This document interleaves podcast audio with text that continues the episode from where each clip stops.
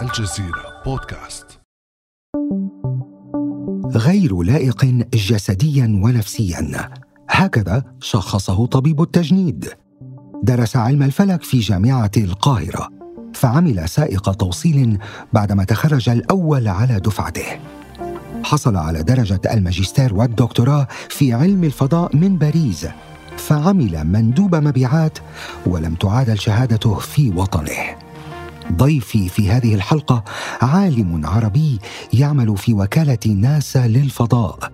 جمع بين العلم والعمل وعاش هموم شعبه وارتبط بها. أنا خالد مجذوب وهذا اثر الفراشة من الجزيرة بودكاست. أرحب بضيفي عالم الفضاء المصري الدكتور عصام حجي. أهلا وسهلا بك. أهلا وسهلا بك شكرا. الشكر لك موصول لك لوجودك معنا بهالحلقة وبعتقد إنه أنت يعني استشفيت من المقدمة هيك في روح نكتة روح دعابة اللي طبعا للصدف الغريبة اللي لعبت دور مهم بحياتك وبمسارك دكتور. يعني يعني هي هي هي المفارقة بين أي باحث علمي في العالم العربي حينما تبحث عن اسمه باللغة العربية على الإنترنت ستجد شخص آخر حينما تبحث على اسمه باللغة الإنجليزية. وده المفارقة هنا. لو حضرتك ده عملت ده على جوجل أو المستمعين عملوا دلوقتي هنجد هنا أخبار بتك... باللغة الإنجليزية أخبار بتتكلم عن مساهمات في اكتشاف الفضاء ومشاركات في في مهام علمية على مدى ال 20 عام آه، اللي فاتوا وتواجد في أهم الجامعات في مجال علوم الفضاء. ومن الناحية الأخرى سنجد الأخبار اللي حضرتك اللي قلتها اللي هي يعني بتحاول دايما تسخف من وجود العلم في الحياة اليومية. للأسف طبعا إنما الهدف من المقدمة هو كان بمكان ما يعني ليس تسخيف ابدا آه، العلم إنما سخريه بمكان ما من خلينا نقول يعني آه، التوجه ببعض الأنظمة العربية وعدم التقدير الكافي الذي يعطى للعلم وللمتعلمين وللمتنورين بيننا. وعلى العموم هذا الكلام رح ندخل بتفاصيله أكثر في سياق الحلقة. بالبداية دكتور عصام آه، بحب أسألك أنت كنت مشرفنا هون بالدوحة وتم تكريمك بفعاليات دورة كأس العرب. بحب أعرف منك عن انطباعاتك حول مشاركتك في هذه الدورة وكيف رأيت كأس العرب في الدوحة؟ الحقيقة أنا كنت سعيد جدا بالدعوة وبالتواجد في, في الافتتاح لكن أكثر شيء أسعدني أنه ده أول حدث بهذا الحجم في العالم العربي آه، مش هقول أنه يكرم فيه العلماء بس أنه يكون العلم هو الحاضر الأساسي في هذا الافتتاح نعم. وأنه ما يجمعنا ليس فقط ماضينا ولغتنا المشتركة وثقافتنا المشتركة بل ما يجمعنا هو الهدف المشترك اللي إحنا عايزين نروح ليه وإن هذا الهدف لا يمكن أن يرسم أو يكتمل أو يتحقق إلا بدون العلم. فوجود العلم في مناسبة رياضية بهذا الحجم كان الحقيقة شيء يعني يعني أسعدني وأسعد الحضور الموجودين. ورسالة للشباب إنه آه إنه إنه إنه إنه حقيقي يعني الرياضة آه والأخلاق لا تكتمل إلا بالعلم وإن إحنا نحول حدث رياضي زي ده لشيء يبقى فيه لحمة للعالم العربي وبناء الهوية حوالين المعرفة وليس فقط حوالين التعصب الرياضي فدي كان شيء أنا سعيد جدا إني أكون مشارك فيه. ولم أتوقع بالمناسبة حينما دعيت كان في إصرار إني أحضر حفل الافتتاح والحقيقة ما حدش قال لي إيه يعني إيه اللي هيحصل في الحفل الافتتاح؟ وحينما تواجدت في حفل الافتتاح وشفت آه صور العلماء العرب المهاجرين الطيور المهاجرة ولقيت الصورة آه، صوتي واحد منهم. آخر شيء كنت ممكن أتخيله في حياتي في يوم من الأيام إني أشوف الصورة بتاعتي في ملعب كوره في الاستاد وجمهور قاعد بيتفرج فيها. فالحقيقة يعني كانت لحظة جميلة جدا. دون شك دون شك. وآن لنا نحن العرب يعني آه، أن أن نفخر بإنجازاتنا في الحاضر والمستقبل وأن لا نكتفي بالفخر بإنجازات الماضي. يعني, آه، يعني أولا أنا أنا عايز أقول إنه في دايما مفهوم شائع عندنا إن إحنا إذا فخرنا بالعلماء تحسن حالنا وده مفهوم مش مكتمل الحقيقة. العلماء لا ينتظروا الفخر بهم هم ينتظروا أن يكون لهم دور حقيقي في أوطانهم. آه، إحنا بنفخر بكل شيء لا نصنعه. نفخر بتاريخ ورثناه عن أجدادنا. بنفخر بانتصارات آه، في ملاعب الكورة وانتصارات أخرى في آه، في معارك وهمية نذبح فيها بعض ونقتل فيها بعض. فسياسة الفخر يعني لا تطور الإنسان. ما يطور ما ينتظره العلماء العرب هم أنه يكون لهم دور. إنه يك... إنه ده ما فيش حد يعني فيش حد عايش. أنا أنا مغترب آه أنا مع الرغم إن عمري 46 سنة إنما أنا مغترب بعيد عن وطني 40 سنة لأني أنا عشت في مصر ست سنين بس. فكل أتمنى يبقى لي دور مش مش إنه حد يفخر بيا يعني. ده اللي كنت عايز أقوله. أكيد سيكون لك دور ونحن نفخر بك في كلتا الحالتين إنما سندخل في سياق الحلقة على هذه المحاور ونتحدث عنها بإسهاب أكثر. إنما بالبداية دكتور عصام إذا سمحت لي بالمحور الأول بدنا نبلش شوي ببداية هالجيرني هالرحلة التي تخوضها حضرتك بالحياة. في أحد تغريدات لك بتقول إنه حلمك كان أقل بكثير مما أنت عليه الآن. آه، اللي بحب أعرفه منك ماذا كان حلمك سابقا دكتور؟ ولماذا اخترت الفلك؟ وأنت تعلم أن لا مستقبل له في الوطن العربي على الأقل حتى الآن. أنا وأنا في مرحلة الإعدادية وفي مرحلة الثانوية زي أي طفل أو شاب صغير في هذه المرحلة أنا كنت بحب العلوم وبحب علوم الفضاء خصوصا. ما كانش عندي الطموحات العمل في ناسا أو العمل في مجال علوم الفضاء أو أي طموح مرتبط حتى بما سيكون بعد مرحلة التعلم. كان كل اللي نفسي فيه اللي أنا أتعلم الحاجة اللي بحبها. فلما جاء وقت الاختيار في الثانوية العامة ودي لحظة اختيار للكثيرين في العمر ده. فكان الاختيار هل تخت... كان مجموعي يدخلني كلية الصيدلة وكلية الهندسة وكليات اللي هي يعني يشاع إن لها مستقبل مضمون. نعم. فكان هنا لحظة الاختيار ما بين ما أحب وما بين ما هو مقبول وما هو مضمون في المجتمع. فدي لو أنا هقول إن في اختيار واحد أنا عملته في حياتي كان صح هو إن أنا اخترت الحاجة اللي أنا بحبها ومؤمن بيها. لأن في إنسان ممكن يحب حاجة ويكون مش مؤمن بيها. أنا حسيت إني أنا من أسرة بسيطة ومتواضعة فبالتالي حسيت إنه أي شهادة هأحصل عليها العمل هيكون مربوط بالواسطة والمحسوبية وأنا ماليش واسطة ومحسوبية. فقلت لأهلي خلوني أتعلم الحاجة اللي بحبها. أنا كده كده يعني الأرزاق على الله واحتمال أكبر إني ما الاقيش شغل. فخلوني نعم. أدرس اللي بحبه وكان التحاقي بكلية العلوم جامعة القاهرة. سنة سنة 93 جميل جميل. طب تخرجت حضرتك الأول على دفعتك وعينت معيدا في الجامعة ولكن يعني هون في هيك مفارقة لطيفة بنحب إنه تخبر المستمعين عنها. ما حكاية عملك في توصيل البراويز أو إطارات الصور بعد تخرجك الأول على دفعتك وتعيينك معيد في الجامعة؟ اولا أنا زي ناس كتير كانت في الجامعة كانت بتشتغل وهي بتدرس فكنت بساعد والدتي آه، كان ليها محل بتبيع فيه لوحات فنية وكنت بقوم بتوصيل آه، هذه اللوحات والبراويز من أماكن إلى المعرض وإلى المشترين فيها وحتى بعد ما تعينت آه، معيد في الجامعة لأن كنت استمريت في هذه الوظيفة لفترة لأنه مرتبي لا يكفي إنك تعيش أصلا يعني وده نعم. وده شيء من الأشياء المؤسفة فالمفارقة الحقيقية إن إحنا بنشوف الناس دلوقتي وصلت لإيه؟ لكن لكن حياة الباحثين وخصوصا شباب الباحثين في عالمنا العربي حياة بدون يعني تجميل الكلمات هي حياة بائسة. يعني الباحث العلمي في عالمنا العربي آه، إنسان بسيط وبائس وظروفه متواضعة لأبعد لأبعد الحدود. فليست فقط حياتي التي مليئة بهذه المفارقات ولكن حياة هقول الغالبية العظمى من الباحثين في المفارقات دي. دون شك دون شك. آه، يعني اولا اولا آه، قيامك بهذا الشيء هو مدعاة للفخر والأمل بأنه أنت شخص عصامي بنى نفسه بنفسه واجتهد وقدر أن يحقق إنجاز له على المستوى الشخصي والفردي والاجتماعي.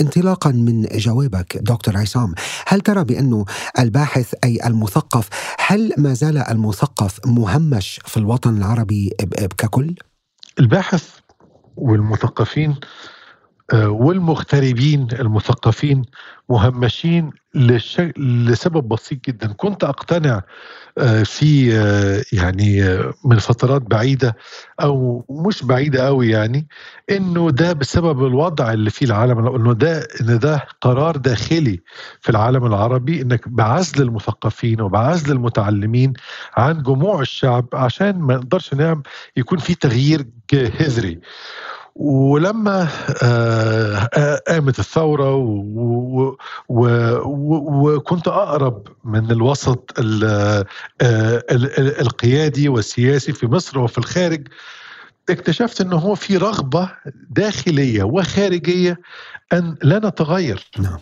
أن نبقى كما نحن حتى لا يبذل أي مجهود في فهم التغيرات بكل بالمنطقة التي هي المصدر الأول للطاقة في العالم. يعني مطلوب الاستقرار يعني أنتوا خليكم زي ما أنتوا العالم كله بيتغير بس أنتوا زي ما أنتوا.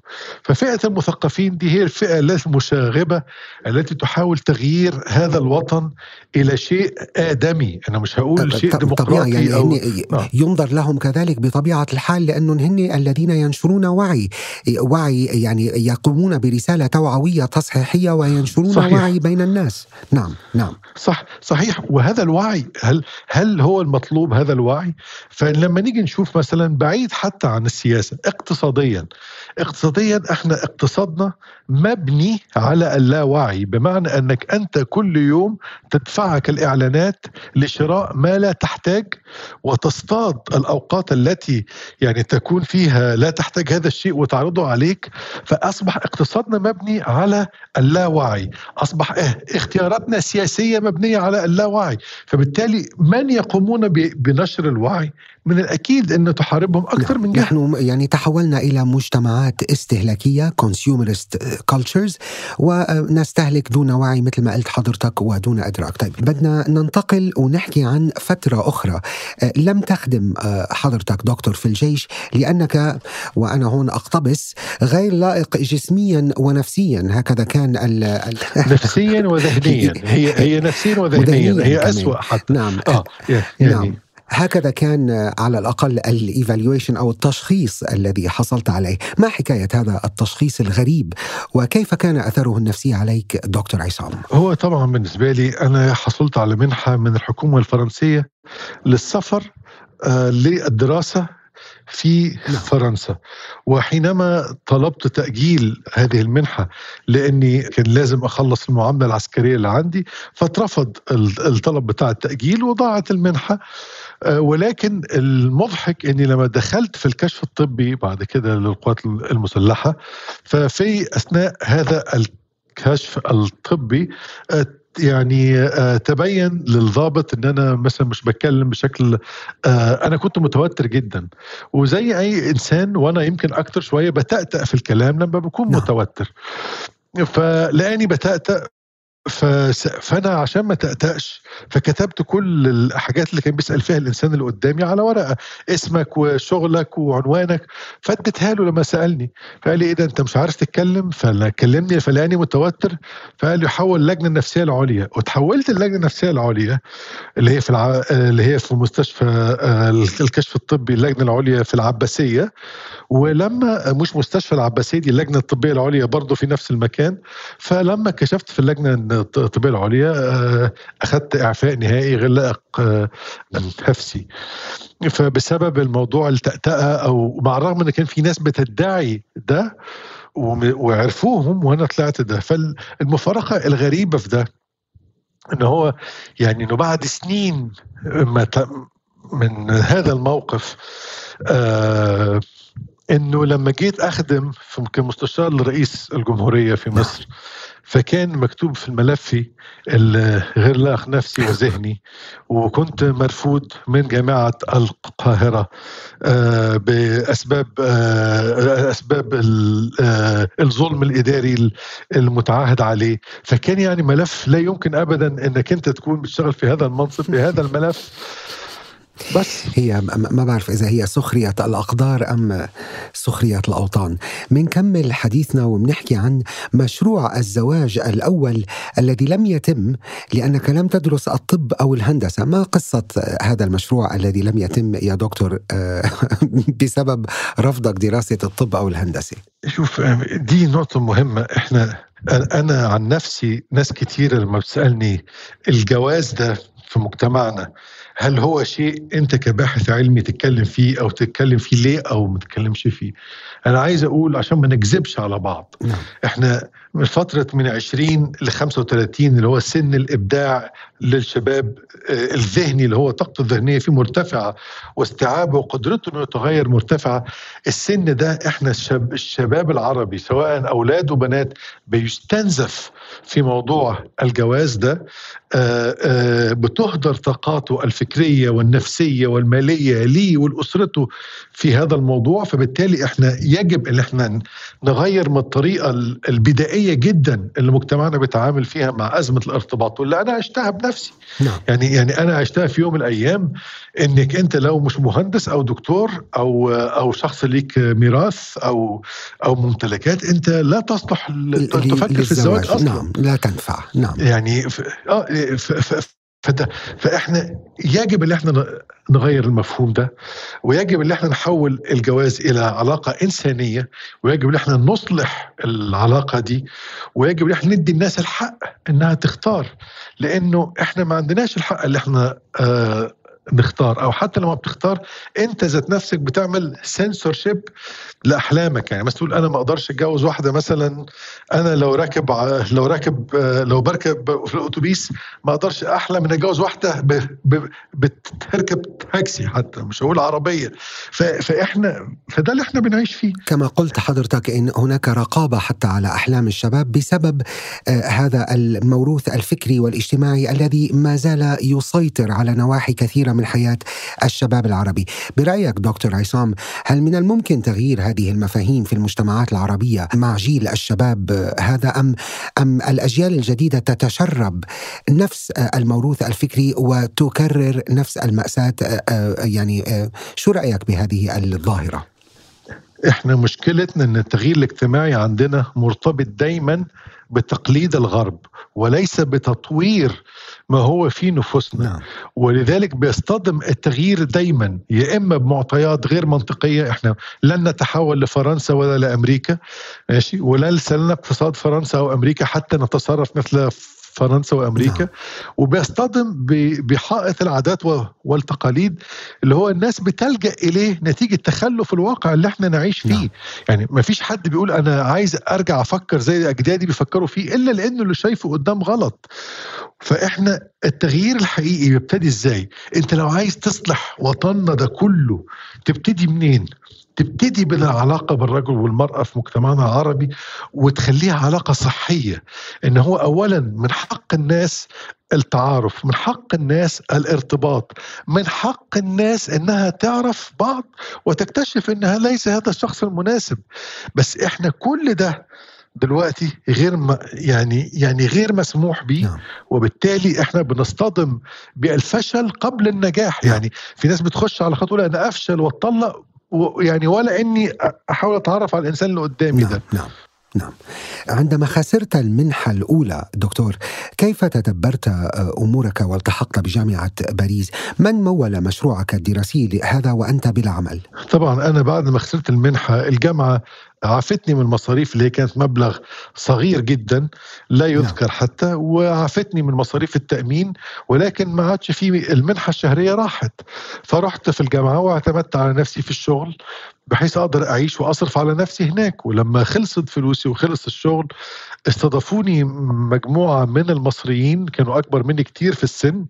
آه، وحتى كان في برنامج مغتربون صور معاهم. يعني صديقي صديق العمر آه، أستاذ كمال بطرس وهو مصري مسيحي مقيم في باريس وهو اللي استضافني سنوات الأولى من من الدكتوراه والماجستير وبفضل نعم. الاستضافة دي قدرت أخلص الماجستير وأحصل على منحة الدكتوراه وأستمر في في مشواري إني أقدر أتعلم عظيم. أنت درست ماجستير علوم الفضاء في جامعة باريس. ماذا تناولت في رسالة الماجستير والدكتوراه لتكون أول رسالة مصرية في علم اكتشاف الكواكب؟ رسالة الدكتوراه كان هدفها فهم وتطوير تكنولوجيات اكتشاف المياه في كوكب المريخ. وطبعا نعم. الاهتمام بكوكب المريخ ليس يعني حاجة فانتازيا زي الناس تتصور إنه بعيدة لا لأنه كوكب المريخ بيرسم صورة لتطور كوكب الأرض هو الأخ التوأم لكوكب الأرض فإذا صحيح. ما فهمناك كيف فقد المياه وكيف تحول من كوكب أزرق إلى كوكب أحمر اختفت من عليه المياه وتحول مغطى بالرمال المليئة بالحديد إذا فهمنا هذه الرحلة كوكب المريخ فهمنا المستقبلات مستقبل التغيرات المناخية التي يمر بها كوكب الأرض ونقطة اثبات إثبات الماضي المشترك والمستقبل المشترك تكمن في إيجاد مياه تحت سطح كوكب المريخ وكان هذا موضوع رسالة الدكتوراه اللي عملتها من سنة 99 ل 2002 بجامعة باريس في فرنسا. وهي فيني أقول رسالة سابقة لعصرها لأنه اليوم نحن أكثر من مسبار بالمريخ عم يعملوا على ذلك. آه، هو إنجاز بكل ما للكلمة من معنى. ما الجائزة التي حازت عليها رسالتك دكتور؟ وما حكاية معادلتها في وطنك مصر؟ الجائزة كانت هي هي من أفضل رسائل الدكتوراه في ال في آه، الدكتورال سكول أو ليكول دكتورال زي ما بيقولوا بالفرنساوي. وهي نعم. آه وهي وهي مدرسة الدراسات العليا.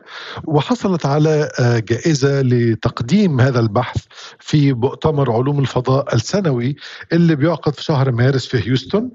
وكان هذا المؤتمر هو بداية آه، شباك جديد اتفتح في حياتي إني أسافر في أمريكا. فأنا سافرت أقدم أبحاثي في المؤتمر آه، في سنة 2002 لمدة أسبوع وبقالي دلوقتي تقريبا 19 سنة موجود في أمريكا. في نفس المكان اللي رحت أقدم فيه البحث وهو وكالة ناسا. أما لماذا لم تعادل الدكتوراه؟ فقصتي مؤلمة لكن المؤلم فيها تكرارها لغاية النهاردة مع ناس كتير. آه، السبب الحقيقي إنه كان في ابن السيد رئيس القسم في ذلك الفترة كان متعين في فترة مش بعيدة على أنا موجود فيها وكان يجب تأخير كل الحاصلين على الدكتوراه والماجستير حتى لا يكونوا أقدم منه في في سلم الترقيات. فتأخرت المعادلات حتى يعني ينتهي هو ويصبح آه، يعني آه، هو الأولى.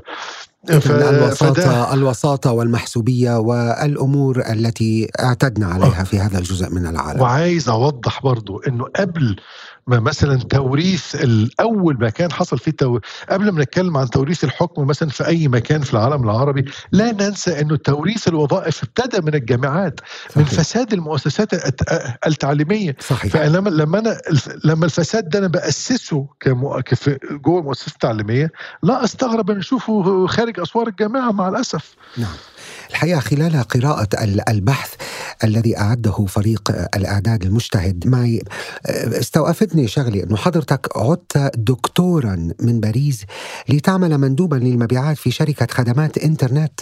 يعني كيف أثر عليك ذلك دكتور؟ وكيف كانت يعني مشاعرك تجاه ما يحصل لك في وطنك بعد عودتك من الاغتراب؟ في شيء جميل في الشخصية المصرية. إنها لا تنحني أمام الظلم نعم. وإنها لا تستغرب وجوده أصلا يعني لأنه موجود في كل يعني نزلت في الشارع تشوف في كل اتجاه فبالتالي آه، حينما عدت ولم تعادل الدكتوراه ولم أستطع الحصول على على إني أقدر أمد آه، الأجازة الدراسية من الجامعة الوجود في الخارج فعدت وأنا موقوف يعني في الفترة اللي هي اللي أنت في فيها ما فيهاش المعادلة دي كان يجب أن أبحث عن عمل. فكان العمل في أحد شركات الإنترنت بتقدم مواقع على الإنترنت وبتعمل مواقع. فبس و... فده طبعا كان شيء محزن ولكن زي ما قلت العدالة ليست منظومة أوتوماتيكية في الحياة. إن لم تحارب من أجلها فلا تنتظر أنك تراها أصلا يعني. صحيح. يعني إن لم تتحلى بالعزيمة خصوصا في وجه التحديات فيمكن أنت هنا تقطع الطريق من أوله. دكتور عصام برأيك ما هو السبب الذي يقف عائقا أمام احتضان وتشجيع المواهب المختلفة عن الأعراف السائدة والمقبولة اجتماعيا في الوطن العربي؟ الخوف. الخوف من التغيير من ماذا؟ الخوف من التغيير. عالمنا العربي يخاف من التغيير لأنه في معدلات معقدة جدا ما بين الاستقرار الاجتماعي والاستقرار المادي اللي موجود فيه وما بين ما بين التغيير. هناك فئات آه، آه، تحصل على امتيازات بدون أدنى آه، يعني استحقاق. إذا حصل تغيير ستفقد هذه الامتيازات.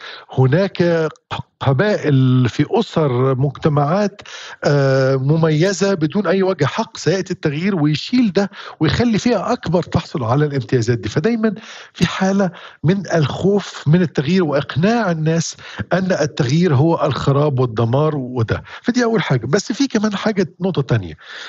بالنسبة لعودة العلماء العرب من الخارج طبعا إذا نظرنا لهذه القضية بشكل بسيط سنرى أنه إحنا عندنا علماء كتير في الخارج فلماذا لا يعود؟ هو مش ضد عودتك أنت كشخص هو ضد عودة الأفكار التي تحملها. ماشي بالعكس نعم. أنا في أغلب العلماء العرب بييجوا يقضوا الصيف في هتكلم على مصر بييجوا يقضوا الصيف في مصر مكان جميل مصايف فنادق رخيصة الأولاد يقدروا يعني يعملوا اللي هم نفسهم فيه ولو حد وقفهم هيطلعوا الباسبور الأمريكي و... ويقدروا يتهربوا من أي مسؤولية جنائية أو قانونية يعني في حالة لا عقاب وفي حالة استمتاع تام بكل موارد الأماكن لن يجدها في أمريكا فبتبقى علاقته بمصر إنها مجرد مصيف مصيف جميل وبس. ده بقى لما تيجي تقول له أنت تيجي يعني تيجي تعمل تغيير والناس دي بيرحب بيها جدا على فكرة. أنت هتلاقي حتى مثلا شيء مضحك عندنا في مصر إن كل مؤتمرات العلماء اللي في الخارج بتتعمل إمتى؟ في أجازات آه الموجودة في الولايات المتحدة وأوروبا. بمعنى إن هو لما بيجي في الأجازة وهو قاعد على البلاج ورجليه في المية كده فياخد شو ياخد وقت بعد الظهر كده نشوف هنغير بلد دي إزاي. هنبني أجيال جاية إزاي كده أهو. بينما عملوا في الخارج أو حتى إنه يزور مثلا دولة زي ألمانيا مثلا عشان يطور فيها منظومة علمية هيعملوا من صميم عمله. معنى ده إن بلدك الأم ما هي إلا وفي وقت فراغك فقط وده المشكلة اللي إحنا بنقابلها هنا. فدلوقتي في حالة في تغيير حصل انه حصل عودة العلماء العرب من الغرب إلى الشرق من جديد وده زي شفنا البوادر اللي تبنتها دول مجلس التعاون الخليجي سواء في قطر في السعودية في الإمارات في الكويت إن في إعادة توطين وإعادة استقطاب لهذم العلماء لإحداث تغيير حقيقي اقتصادي اولا لأن عوائد النفط بتقل والاقتصاد المبني على المعرفة يحتاج للعلماء وهيحصل فيه تغيير فكري واجتماعي وكانت افتتاح البطولة دي اللي إحنا شفناها كانت يعني بتعبر عن هذه الرغبة. جميل جدا وعلى أمل على أمل أن تبدأ عجلة هذا التغيير. دكتور عصام خلينا نرجع شوي لنعرف شيء أنا يعني يثير فضولي تحديدا. كيف عملت في ناسا في بدايتك بداية هذا الطريق وما هي أبرز إنجازاتك العلمية فيها؟ أولا أنا التحقت بوكالة ناسا في 20 يوليو سنة 2003 والتحقت بمركز دراسات الكواكب والأقمار التابع لمعهد دراسات الكواكب والأقمار التابع لمركز Johnson Space Center الموجود في هيوستن وهو اللي, اللي كان بيقود مشروع اكتشاف القمر وتدريب رواد الفضاء. فالتحقت به كباحث ما بعد الدكتوراه ثم باحث زائر ثم باحث ثم انتقلت منه للعمل بمركز الدفع النفاث بوكالة ناسا آه، في مدينة لوس أنجلوس حتى اليوم. ف أنا سافرت عشان أدي كلمة في مؤتمر أسبوع بس. فشرحت كيف يمكن أن نستفيد من فهم دراسات المياه في المناطق الصحراوية والجافة مثل مصر في تطوير تكنولوجيات تصوير تحت الأرض لاكتشاف المياه على المريخ. وفعلا وريت التجارب اللي إحنا عملناها في الصحراء المصرية في من سنة 98 لغاية سنة 2002 وقابلني أحد الباحثين وقال لي كل اللي أنت بتعمله ده يعني شيء رائع بس بيتعمل في الكوكب الغلط. إحنا عايزين نعمل الكلام ده على المريخ. نعم. وكانت وكانت والمضحك في ده إنه رسالة وفعلا هقول لحضرتك ف... وفعلا أطلقت المركبة هارس إكسبريس في 2003 تحمل جهاز تصوير بالرادار المريخ ثم المركبة Mars Reconnaissance Orbiter في 2005 تحمل جهاز آخر لتصوير برادار المريخ ثم مركبة Mini-RF التي تحمل جهاز تصوير برادار لاكتشاف المياه على القمر ثم شاندرايان 1 في 2010 لاكتشاف أيضا الجليد على القمر باستخدام الرادار ثم مركبة روزيتا في 2014 ثم المركبة تون ثم جونو ثم رب جوس و ExoMars وعدد آخر من مركبات الفضاء اللي عملت بيها. شيء شيء رائع جدا الحقيقة. لما بسمعك يعني شيء يبعث على يثلج الصدر ويبعث على التفاؤل إنه بس المؤسف بالموضوع بنفس الوقت بإنه يطلع حدا من الغرب مؤسسة أو منظمة غربية تستطيع فورا بإنه تكتشف إنه هي أمام موهبة تستحق بإنه أن تستفيد من قدراتها وبينما هذه الموهبة الفظيعة والمتمتعة بكفاءة عالية يتم تجاهلها تماما ببلادنا للأسف للأسف. ونحن نتحدث اليوم نقوم بانتقاد الغرب والكلام عنه وهو يشوف قديش متطور عنا بكل النواحي. أنا أنا ما أقدرش أقول على نفسي إن أنا إنسان موهوب ولكن أقدر أقول على نفسي إن أنا إنسان عايز أتعلم وبعتبر النجاح الحقيقي مش إني أوصل لهدفي بأسرع وقت بعتبر النجاح الحقيقي إن أنا بقدر أكافح عشان هدفي طول الوقت حتى لو ما وصلتش للهدف ده. فمجرد معركة الكفاح دي بتطورني وبتعلمني وبتخليني إنسان أقوى مما أنا كنت أتخيله. النهاردة إحنا بعد عشرين سنة من اكتشاف المياه في كواكب المجموعة الشمسية أنا سعيد أن مشروع رسالة الدكتوراه اللي اتكتب في سنة 2002 يعود إلى اليوم مجددا ونقوم بتطوير مركبة فضاء اسمها أويزس وهي تعاون بين ناسا ومؤسسة قطر وهي خمس أقمار صناعية. هو مشروع دراسة خمس أقمار صناعية. ستقوم بمسح المياه الجوفية والتغيرات في الجليد القطب الشمالي والقطب الجنوبي ونأمل أن تطلق في ديسمبر 2026 ونقوم حاليا بدراسة هذا المشروع. فبس شوف المفارقة هنا. اللي إحنا احتاجنا نروح للمريخ والقمر والمذنبات والنيازك والأقمار المحيطة بزحل عشان أرجع تاني وأكتشف الصحراء اللي أنا مولود فيها. وده الشيء الغريب جدا. ففي مثل عندنا بيقول نجوم السماء أقرب لك. هي فعلا كانت نجوم السماء أقرب لي من من من أرض الوطن في بعض الأحيان. نعم نعم. رحت فول سيركل كما يقال وعدت طب حضرتك أصدرت العديد من الأوراق والأبحاث حول التصحر في المنطقة. ماذا تتناول هذه الأبحاث؟ وهل تم الأخذ بتوصياتكم دكتور؟ الأبحاث اللي قدمناها هي عن آثار التغير المناخي في المناطق الصحراوية والجافة والناس كثيره بتسأل الناس أنتم شغالين في الفضاء إيه علاقتكم بالصحاري وبالمياه في الأرض نعم. لأن نفس ظواهر التصحر الموجودة عندنا في الصحراء العربية هي الموجودة في كوكب المريخ ونفس الطريقة التي تتحرك بها المياه الجوفية عندنا نفسها في الكواكب الأخرى التي تصحرت مثل المريخ مشابهة نعم. لبعض ما بشكل مبسط نعم. فالأبحاث اللي قدمتها قدمت أبحاث في في السنوات اللي فاتت في ملف المياه في ملف تراجع مخزون المياه الجوفية في في في في الدول العربية مما سيؤدي إنه إحنا أمام في خلال 70 ل 90 عام قد نفقد الجزء الصالح للشراب من المياه الجوفية الموجودة في شبه الجزيرة العربية.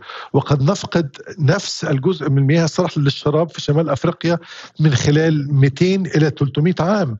يعني معنى إحنا في خلال هذه إذا استمر معدلات السحب العالي سنفقد هذا المخزون الاستراتيجي من المياه ولن نستطيع أن نتعامل مع الجفاف.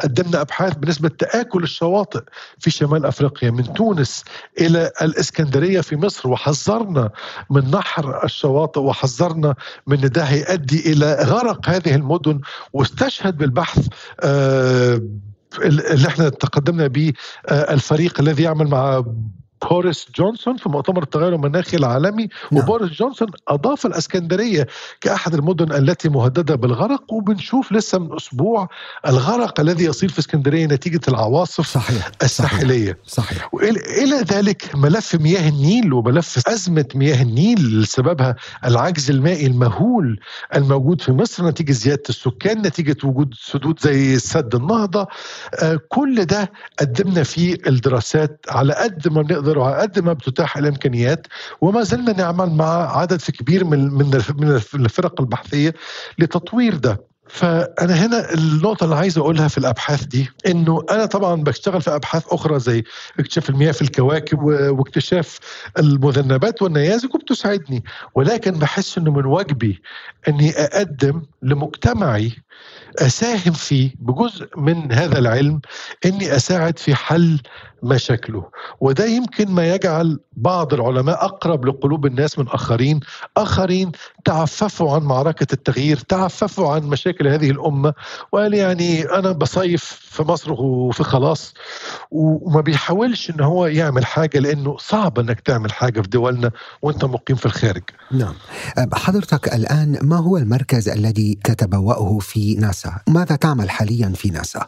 في في وكالة ناسا أنا مدير مشروع OASIS وهو المشروع الفضاء المشترك فبيسموا ده principal investigator يعني رئيس مهمة الدراسة العلمية التي نقوم بها.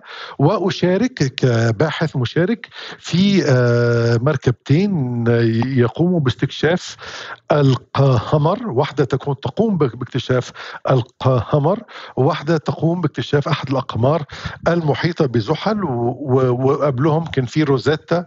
والمركبة روزيتا اللي قامت باكتشاف مذنب 67 بي وانتهى العمل بها سنة 2018 جميل. وحاليا عندنا المشروع اكزو مارس وهو الروفر اللي هيطلق في الشهر في, في الصيف المقبل بالتعاون بالناسا والاتحاد الأوروبي وسيقوم بحفر تحت سطح المريخ للبحث عن مواد عضوية وإثبات أن كان هناك حياة على كوك على كوكب المريخ. طبعا أنا, طبعا. أنا بس كمان عايز أوضح إنه أعلى اعتراف بقيمة باحث علمي في ناسا هو وجوده في الصفوف العلمية كباحث مشارك في هذه المشروعات العلمية.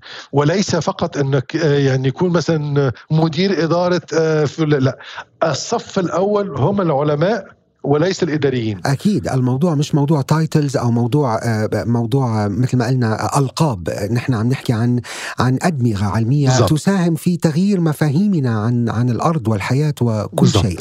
دكتور عصام ما حكاية لقائك برائد الفضاء نيل أرمسترونغ؟ وما النصيحة التي وجهها إليك؟ ده الحقيقة كان يوم يعني يعني يوم مؤثر جدا بالنسبة لي. أتخيل. أنا مولود في ليبيا.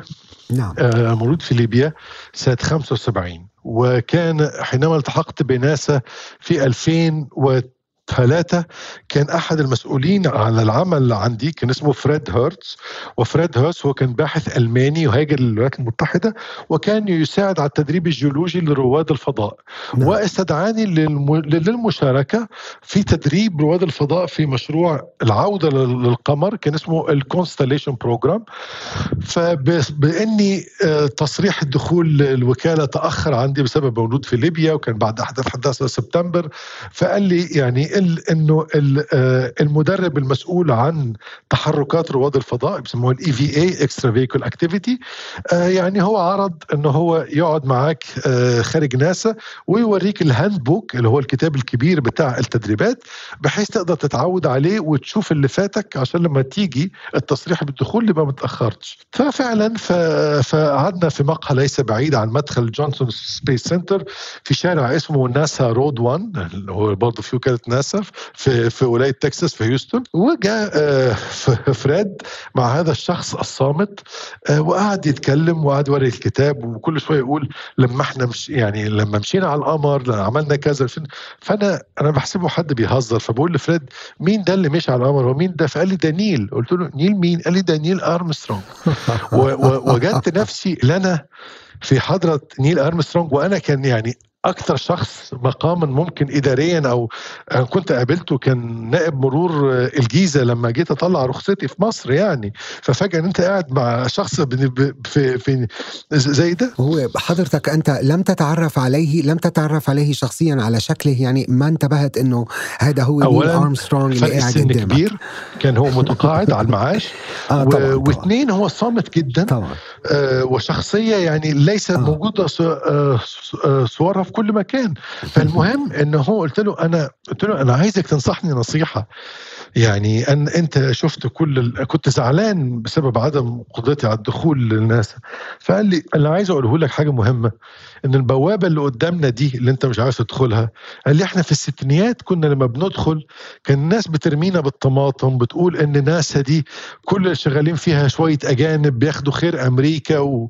والألمان كان ساعتها مهاجرين الألمان إن هم جم وعملوا ده وجايبين بعض وقالوا طبعا المشروع اللي هو من بعد الحرب العالمية آه. الثانية نعم. آه. نعم. آه. آه. بعد الحرب. قال لك وسموا ناسا على اسم الحزب الناتسي اللي هو أيوة. النازيين أيوة أيوة وجابوا أيوة. بعض وكده وقاعدين بيعملوا حاجات ضد الدين وضد الأخلاق وخسروا ال- ال- السباق مع الروس وكده. قال لي واليوم اللي نجحنا فيه ومشيت فيه على القمر نفس الناس دي جت وبقت فرحانة إن ده أجمل شيء في تاريخ أمريكا وهكذا وهكذا. قال لي فالعبرة إنك أنت ما انت ما تعينتش في المكان ده عشان تسمع الرأي العام. العبرة ان انت موجود هنا عشان تغير الرأي العام. صح. والعلم اللي ما يغيرش الرأي العام ده قلته أحسن. وفضلت كلمته دايما في حياتي. كل شوية يعني إحنا نشوف حوالينا حاجات غلط طب العلم اللي ما يصلحهاش قلته أحسن. يعني نتعلم ليه لما العلم بيعلمنا نقبل الغلط مش ان إحنا نصلحه الحقيقة نصيحة بس. لا نصيحة لا تقدر بثمن قبل ما نختم هذا المحور دكتور عصام بدي أسألك يقول البعض إن هناك سلطة أكاديمية وعلمية وسياسية تمارسها ناسا في الخفاء ال- القصد منها أنه منع بعض المعلومات من الوصول إلى عامة الشعب ما حقيقة هذه الاتهامات دكتور؟ ما فيش أي معلومة ما فيش أي أسرار في وكالة ناسا على مستوى العلمي. في في منع نشر مثلا حاجات تقنية نتيجة وجود منافسة آه، نتيجة إن ال- الت- التكنولوجيات دي بيبقى فيها تحفظ في انتشارها لدول معينة. ولكن أن ناسا تجد حقيقة علمية وتمنع نشرها فده شيء غريب جدا ولا يتوافق أصلا مع ميثاق الوكالة اللي هو كل النتائج والأبحاث التي تقوم بها وكالة ناسا يجب أن تكون متاحة لعامة الناس لأنها بأموال عامة الناس. فهذه الإشاعات بتجد مكان ليها في عالمنا العربي لأن إحنا دايما بنحب إن إحنا آه بنحب نظريات يعني- المؤامرة. يعني نظريات المؤامرة بتدينا إحساس إنه الناس اللي بتشتغل دي بتضيع وقتها بس إحنا وإحنا قاعدين على الكنبة ما بنعملش حاجة إحنا صح. آه. يعني هي دي هي دي جزء كبير منها إنه اكتشاف القمر أكذوبة إنه الصعود آه، للمريخ ما حصلش إن كل ده في كذب وإنت قاعد ماسك ريموت التلفزيون بتتفرج على الماتش كده هو ده الحقيقة الصحيحة. أنت صح كده. ودول غلط كلهم. وبتنظر على شعوب العالم. طيب ب... جميل. بمحورنا الأخير بهاللقاء الممتع جدا بدنا نرجع شوي إلى فترة عملك وتجاربك في القاهرة. عدت إلى القاهرة إلى قصر الاتحادية تحديدا لتعمل مستشارا علميا للرئيس المؤقت. عدلي منصور. بالظبط. لماذا اتخذت هذا القرار آنذاك دكتور عصام؟ ولماذا تركت منصبك بعد أقل من عام؟ اولا ده كان شيء صعب. كان المرحلة دي كان مصر فيها تغيير كبير بيحصل فيها وكانت مصر واقفة في مفترق الطرقات. نعم. وكانت بتنظر لأبنائها في الخارج إن هم يعودوا ويساعدوا في اختيار الطريق ال- اللي هتمشي فيه. ما كانش فيه أنا بالنسبة لي كإنسان ساعتها كنت دايما بفتخر وبقول ده في الخطب اللي كنت بقولها وهو شيء لا يفتخر نعم. به إنه أنا بعيدا عن السياسة وبعيدا عن المشهد وماليش دعوة بأي حاجة وأنا فعلا كنت هذا الإنسان. ولكن هذا الشيء لا يفتخر به. لا, لا يجب أن يفخر أي إنسان بغياب رؤيته لأبسط التغيرات الاجتماعية والسياسية الموجودة في بلده إذا نوى إنه هو يساعدها. لا تكفي النوايا الحسنة لتطوير شيء يكفي. يجب أيضا يكون موجود الطريق لتطويره ويكون في في الفرصة دي. وكل ده اللي غاب عني كان عندي النية لاني أساعد في التغيير. أول طبعا ما شفت التخبطات اللي بتحصل وكده حسيت إنه الوقت مش مناسب. لكن قلت في نفسي هو إمتى إيه هو الوقت المناسب عشان نحارب الجهل؟ مفيش وقت مناسب. انزل وحاول وحاول إنك أنت تصلح أي حاجة إن شاء الله يكون شيء محدود يعني. وده اللي حاولت أعمله نجحت في حاجات معينة وفشلت في حاجات أكتر. واللي خلاني أمشي أنا أنا كنت جاي من أول قلت هو أنا جاي سنة واحدة. هساعد في تطوير ملف التعليم وملف المياه وملفات الخاصة بتطوير التشريعات الخاصة بالتعليم.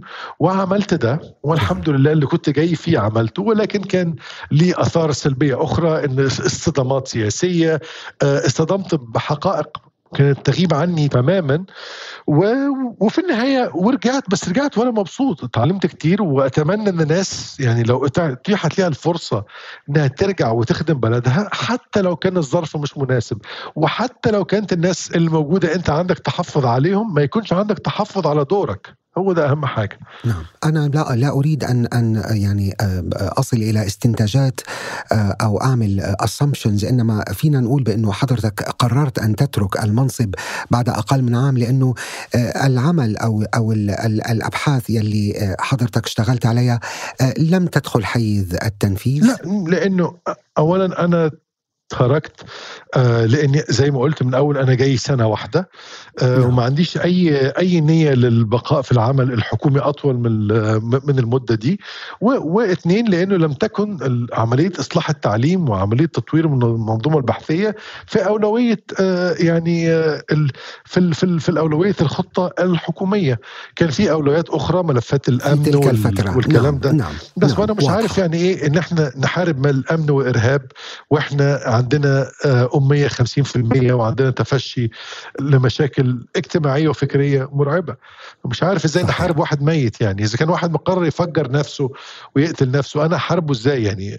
يعني فدي تغيب عني ذهنيا. لو إحنا فعلا كانت رؤيتي في المرحلة دي إذا كنت أنت عايز فعلا تحارب الإرهاب وإذا كنت عايز تحارب التعصب فلازم تدي الناس رغبه في الحياة. لأنه في مجتمعنا لشباب مجتمعنا الرغبة في الموت أكبر من الرغبة في الحياة فبالتالي الناس بتتعصب وتتجه للتطرف. يعني أنا لما أموت في بيفكر في بنات في الجنة وفي أنهار وعسل وخير وكده وأنا عايش في الأرض كل شيء أنا محروم منه فبالتالي أموت أحسن. للأسف نحن متهمون بمكان ما بأننا مجتمعات تعزز ثقافة الموت ولا تعزز ثقافة الحياة. دكتور بعصام من الواضح بأنه بعد عمل حضرتك في الاتحادية انخرطت بشكل مباشر في العمل العام. اللي بحب أسألك إياه هو عن تجربتك بعد أكثر من سبع سنوات في العمل العام. شوف العمل العام بياخد من وقتك من سمعتك ومن صحتك ومن مالك ومن عرضك.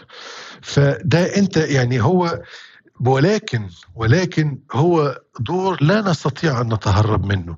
لا نستطيع أن الناس اللي هي إن ربنا اداها الفرصة إنها تتعلم الفرصة إنها تشوف شيء مختلف الفرصة إنها تنجح ولو نجاح. أنا بقيسه في حياتي إنه متواضع ولكن إن أنت تحاول تنقل هذا النجاح لناس أخرى ما تقدرش تتهرب من ده بحجة إنك أنت مركز في شغلك وده. لأنه أي دور أي عالم عنده دورين في الحياة. اكتشاف الكون الذي نعيش فيه ومحاربة الجهل الذي ينبع من داخلنا. فالعمل العام بينطبق نحت مع الدور الثاني ده اللي إحنا محاربة هذا الجهل. ومع الأسف هذه الحرب ليست لطيفة وليست جميلة ولكنها يعني التحرر منها يعني شيء لا إنساني في رأيي. صحيح. تقول حضرتك في أحد لقاءاتك الودية في فرانكفورت للطلبة العرب المغتربين بأن عليهم أن يتحملوا مسؤولياتهم تجاه أوطانهم وأن يستمروا في الإشارة إلى الأخطاء. ما هي نصيحة الدكتور عصام حجي للشباب وطلبة العلم في العالم العربي؟ نصيحة العالم العربي يحتاج ابنائه في الخارج النهارده أكثر من أي شيء، يحتاج لأن إحنا إحنا صحيح أمة ممكن تكون فقيرة ممكن تكون بائسة ممكن تكون متخبطة ولكنها ليست مغيبة. وتحتاج أبنائها دول إن هم يهدوها للطريق المعرفة. فالنهاردة أنا بطلب من الشباب دول إن هم يكونوا القدوة لشباب آخر في نشر رسالة أهمية التعليم في تغيير المجتمع اللي إحنا بنعيش فيه. خبرتي في الاتحادية قالتني إحنا إحنا مجتمع تعيس. والغرب راضي بهذه التعاسة وسعيد وسعيد بها. أنا على مدى عام في وجودي في الاتحادية. عام وأنا أحمل الجنسية الفرنسية والجنسية الأمريكية. بعدها بعد الفترة اللي اشتغلت فيها أنا لم أرى مسؤول أجنبي واحد. يعني كان عايز يتناقش معي كمستشار رئيس آه، الجمهورية للشؤون العلمية والتعليمية في أي خطة لتطوير التعليم. وطبعا أنا استغربت. قلت طب أنا بتكلم مثلا ثلاث أربع لغات ليه ما بي ما بيحبوش؟ لأنه هم مقتنعين إن ده مش هيحصل. وده اللي أنا نعم. عرفته بعد كده إنه مش هيحصل ولازم ما يحصلش عشان نفضل إحنا كده مستهلكين لكل شيء في العالم. مطلوب منا إن إحنا مش نبقى في دولة نبقى سوق للسلع يعني مكان رخيص تتصنع فيه تتباع فيه البضائع الغالية وتتصنع فيه البضائع آه، الرخيصة. فبقيت نعم. بحس إحنا لا يجب أن نلقي على الغرب اللي بقول للشباب ما تلقوش على على الغرب مهمة تطوير أوطانكم. أنتوا اللي عليكم المهمة دي. هو لا يعيب إن هو مش عايز يغيرك. أنت يعيبك إن أنت ما بتخشش في حراك التغيير نعم. نعم وصرحت أيضا وأيضا دكتور عصام بأن العلم بحاجة إلى سقف حريات مرتفع وأن على الجميع أن يتجاوز مسألة العادات والتقاليد في حياته. ماذا عنيت بذلك؟ وهون بدي أسألك سؤال جوهري، جوهري في موضوع النقاش بين العلم والدين، كيف يختلف العلم عن الدين؟ طيب، اولا خليني أوضح ليه إحنا العادات والتقاليد وهي بعيدة عن الدين ولا تصطدم به لكنها موروث الفكري إحنا عايشين بيه. قد إيه ارقام إنه هد... الأخطاء اللي فيه هديك مثل بسيط جدا. مصر نعم. دولة فيها تقريبا 105 مليون ساكن.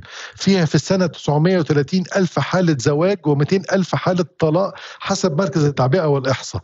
أنت في 930 نعم. ألف حالة زواج دي لو وضعت إنه تكلفه الشبكة والمهر وبعض الأفراح والعادات والتقاليد المرتبطة بالجواز على على طريقتنا 100000 جنيه يعني اللي هي تقريبا تيجي 7000 6000 7000 دولار حسب تغيره في السعر فأنت آه. قدام ميزانية أنت قدام ميزانية 93 مليار جنيه في السنة تحت بند عادات وتقاليد في الجواز. طب انت عارف 93 مليار جنيه دي ميزانية إيه؟ دي ميزانية وزارة التربية والتعليم كاملة بتعلم بيها 16 مليون طالب. يعني انت كدولة أنا كمجتمع مش كدولة أنا كمجتمع بجوز البنت أكتر ما بصرف على تعليمها. يعني أنا نعم. بتجوز بكل الفلوس دي وبتعلم ببلاش. فإحنا ده, ده ده بقى ما دخلتش في حاجات أخرى في عادات وتقاليد أخرى. فالعادات والتقاليد دي عدم تغييرها بيثقل على اقتصاد وعلى المجتمع. عشان كده إحنا. بنقول لازم تتغير. هنيجي نشوف بالنسبة هل العلم بيصطدم بالدين؟